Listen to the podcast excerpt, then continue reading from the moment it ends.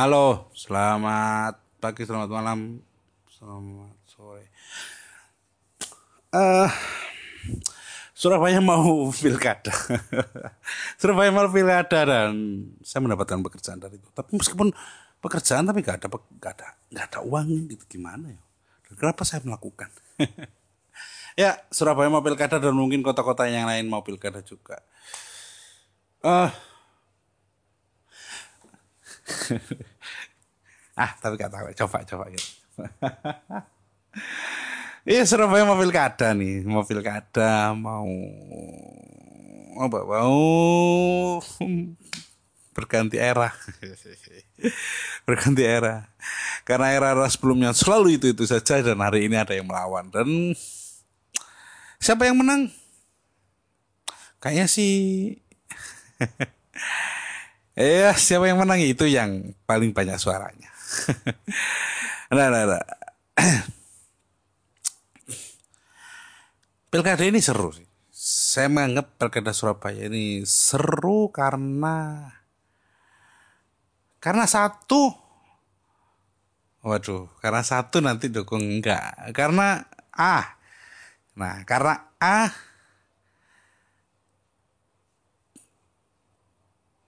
paslon nomor satu adalah incumbent dan dia berangkat dari satu partai. Uh, hanya informasi saya, hanya informasi bahwa PDI P itu memiliki suara mayorit bukan mayoritas sih. Dia itu suara tertinggi di kota Surabaya. Dan bisa dikatakan PDIP adalah basis Surabaya adalah basisnya PDIP. Jadi dia bisa berangkat, dia punya berapa ya? Hampir apa sih? Berapa sih? 16 atau berapa gitu. Eh, berapa? Eh, ber, hmm, pokoknya pas lah. Pokoknya dia berangkat dari kursi kalau kalian protes, wah informasinya enggak itu bodoh amat. uh, informasi, informasi mana sih? Uh, eh, PDIP itu bisa berangkat dari dari satu partai aja. Jadi paslon nomor satu itu bisa berangkat dari partai satu aja gitu. Dan dia mereka incumbent gitu. Dan narasi-narasi yang dibangun adalah incumbent incumbent sebelumnya gitu. Uh, kalau Surabaya atau mungkin orang-orang di luar Surabaya tahu bahwa Purisma adalah wali kota yang terbaik ter ini ter ini ter ini ter ini satu kata sih kalau kota Surabaya tahu apa itu apa itu siap Burisma itu bisa melakukan apa adalah merawat tanaman. Endahin fakta, faktanya demikian. Faktanya demikian. Merawat tanaman, merawat wisata, merawat wisata ya dan membuat wisata itu adalah kemampuan Burisma gitu.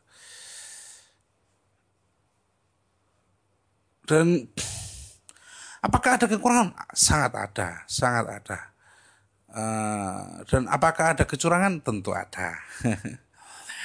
uh, tapi narasi yang dibangun oleh paslon nomor satu adalah mereka memakai hashtag meneruskan kebaikan gitu bahwa apa yang dilakukan Prisma harus dilanjutkan gitu.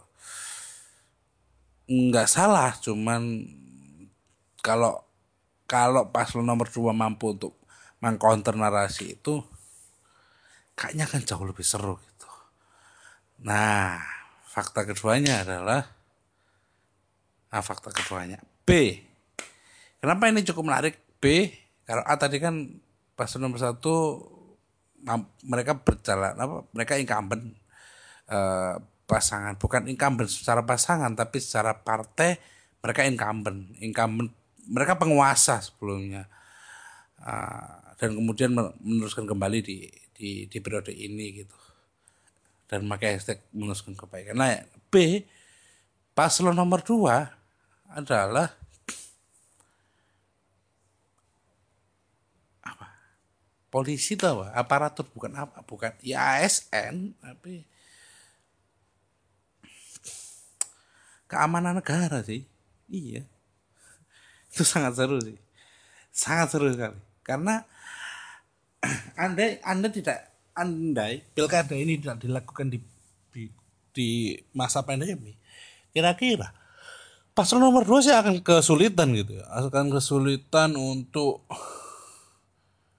melakukan kampanye yang pertama. Kemudian melakukan apa uh, mobilisasi suara.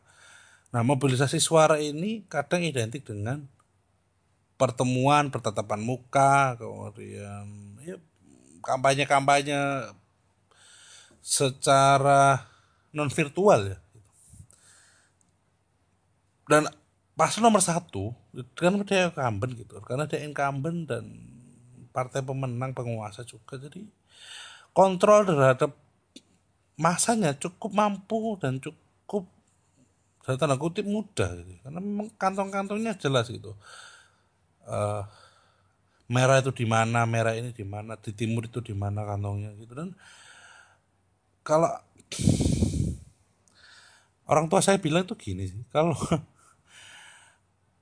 PD itu kalau pilkada nggak usah cari pasangan udah.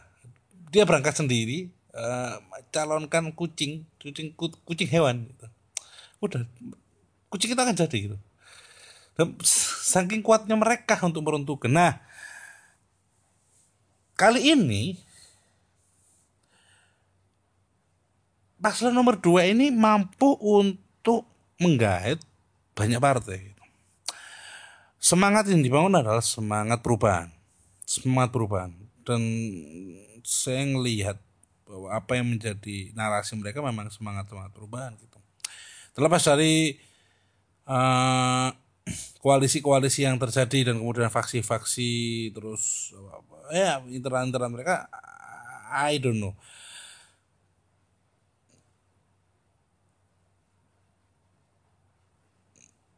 Bukan I don't know. Saya nggak peduli sih. Ah. Tapi semangat mereka adalah semangat perubahan gitu. Dan disupport dengan nah ini ini yang sering kali menjadi apa?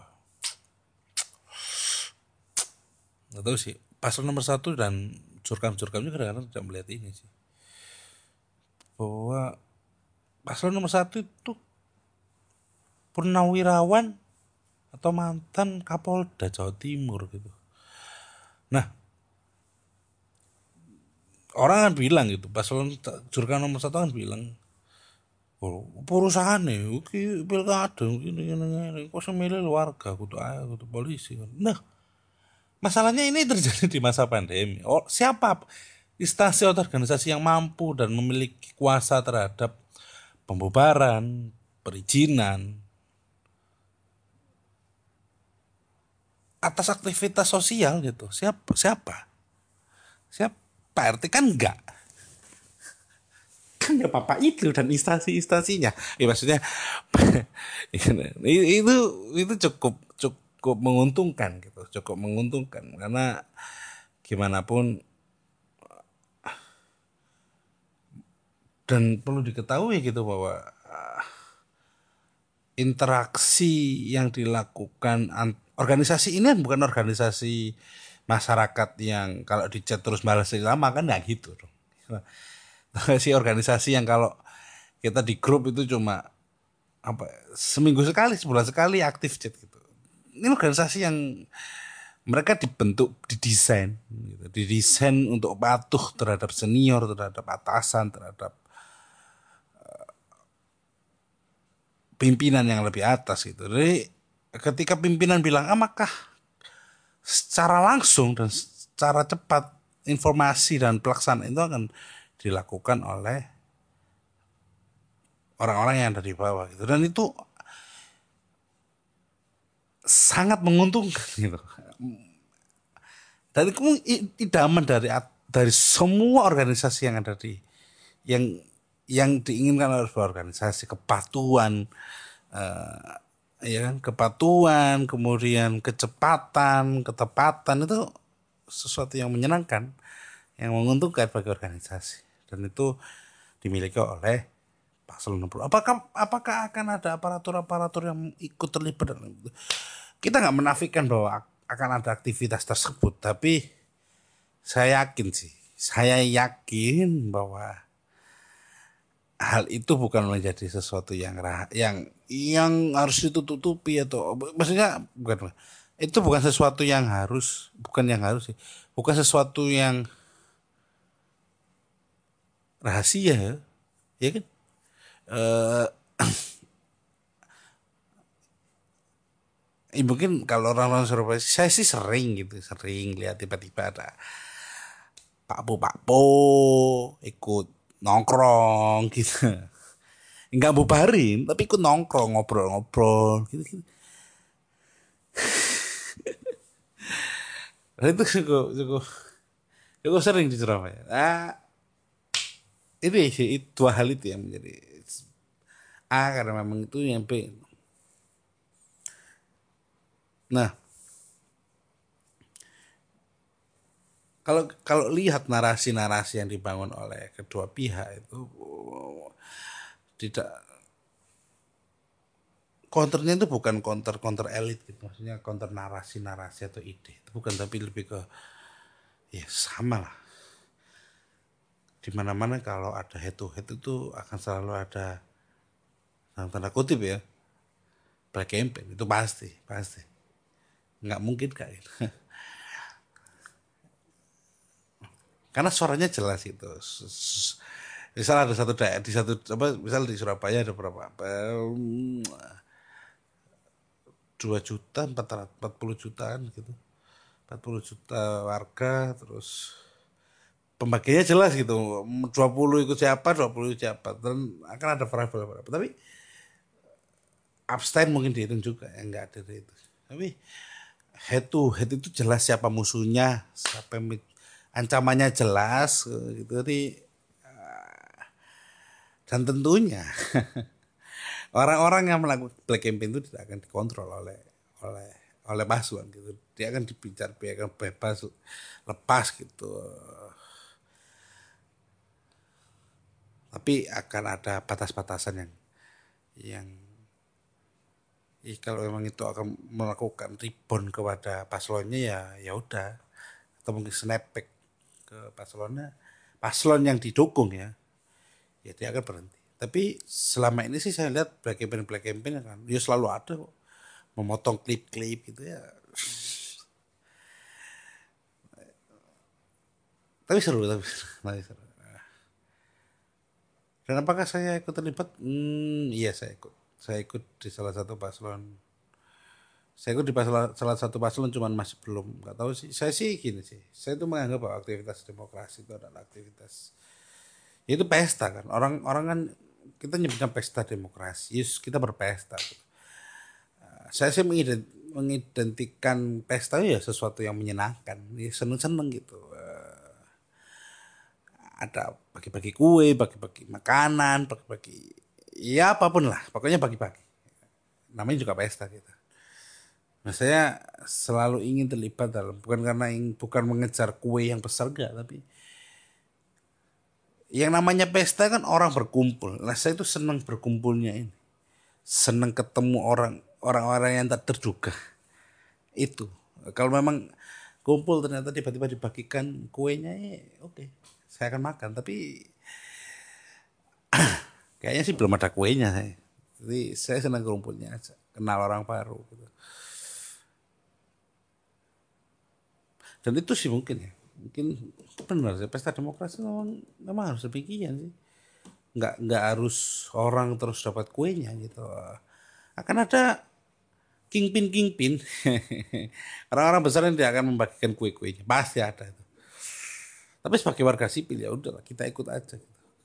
Saya sih cenderung suka yang ya ikut ikut ngumpul aja gitu. Ikut ngumpul aja masuk ke ruangan gitu. Ya kayak pesta pesta kan kita di ruangan masuk terus ngobrol-ngobrol kenalan gitu kan.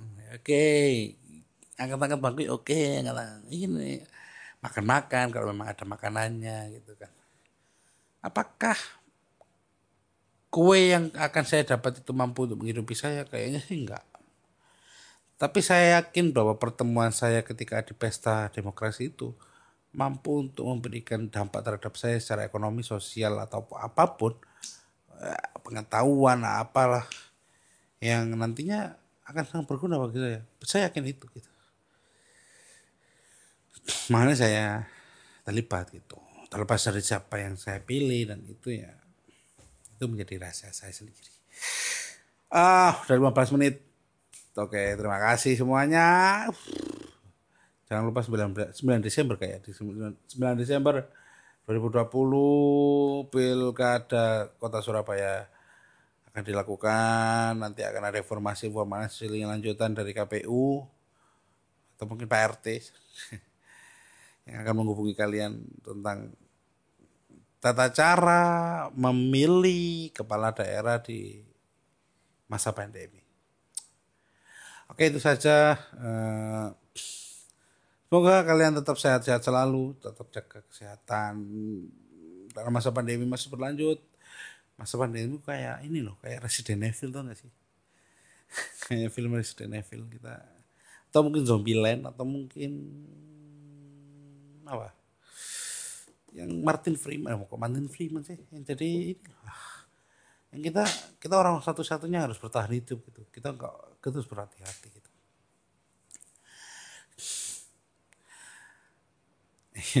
Pokoknya itu sehat jangan sampai yes bukan jangan sampai sakit sih. Kalau sakit ya tetap segera berobat gak usah mikir aneh-aneh tetap bahagia. Jangan mudah stres gitu. Jangan sampai terus juga kayak nggak mungkin ya. Jangan mudah stres itu masih mungkin. Uh, saja dari saya sayonara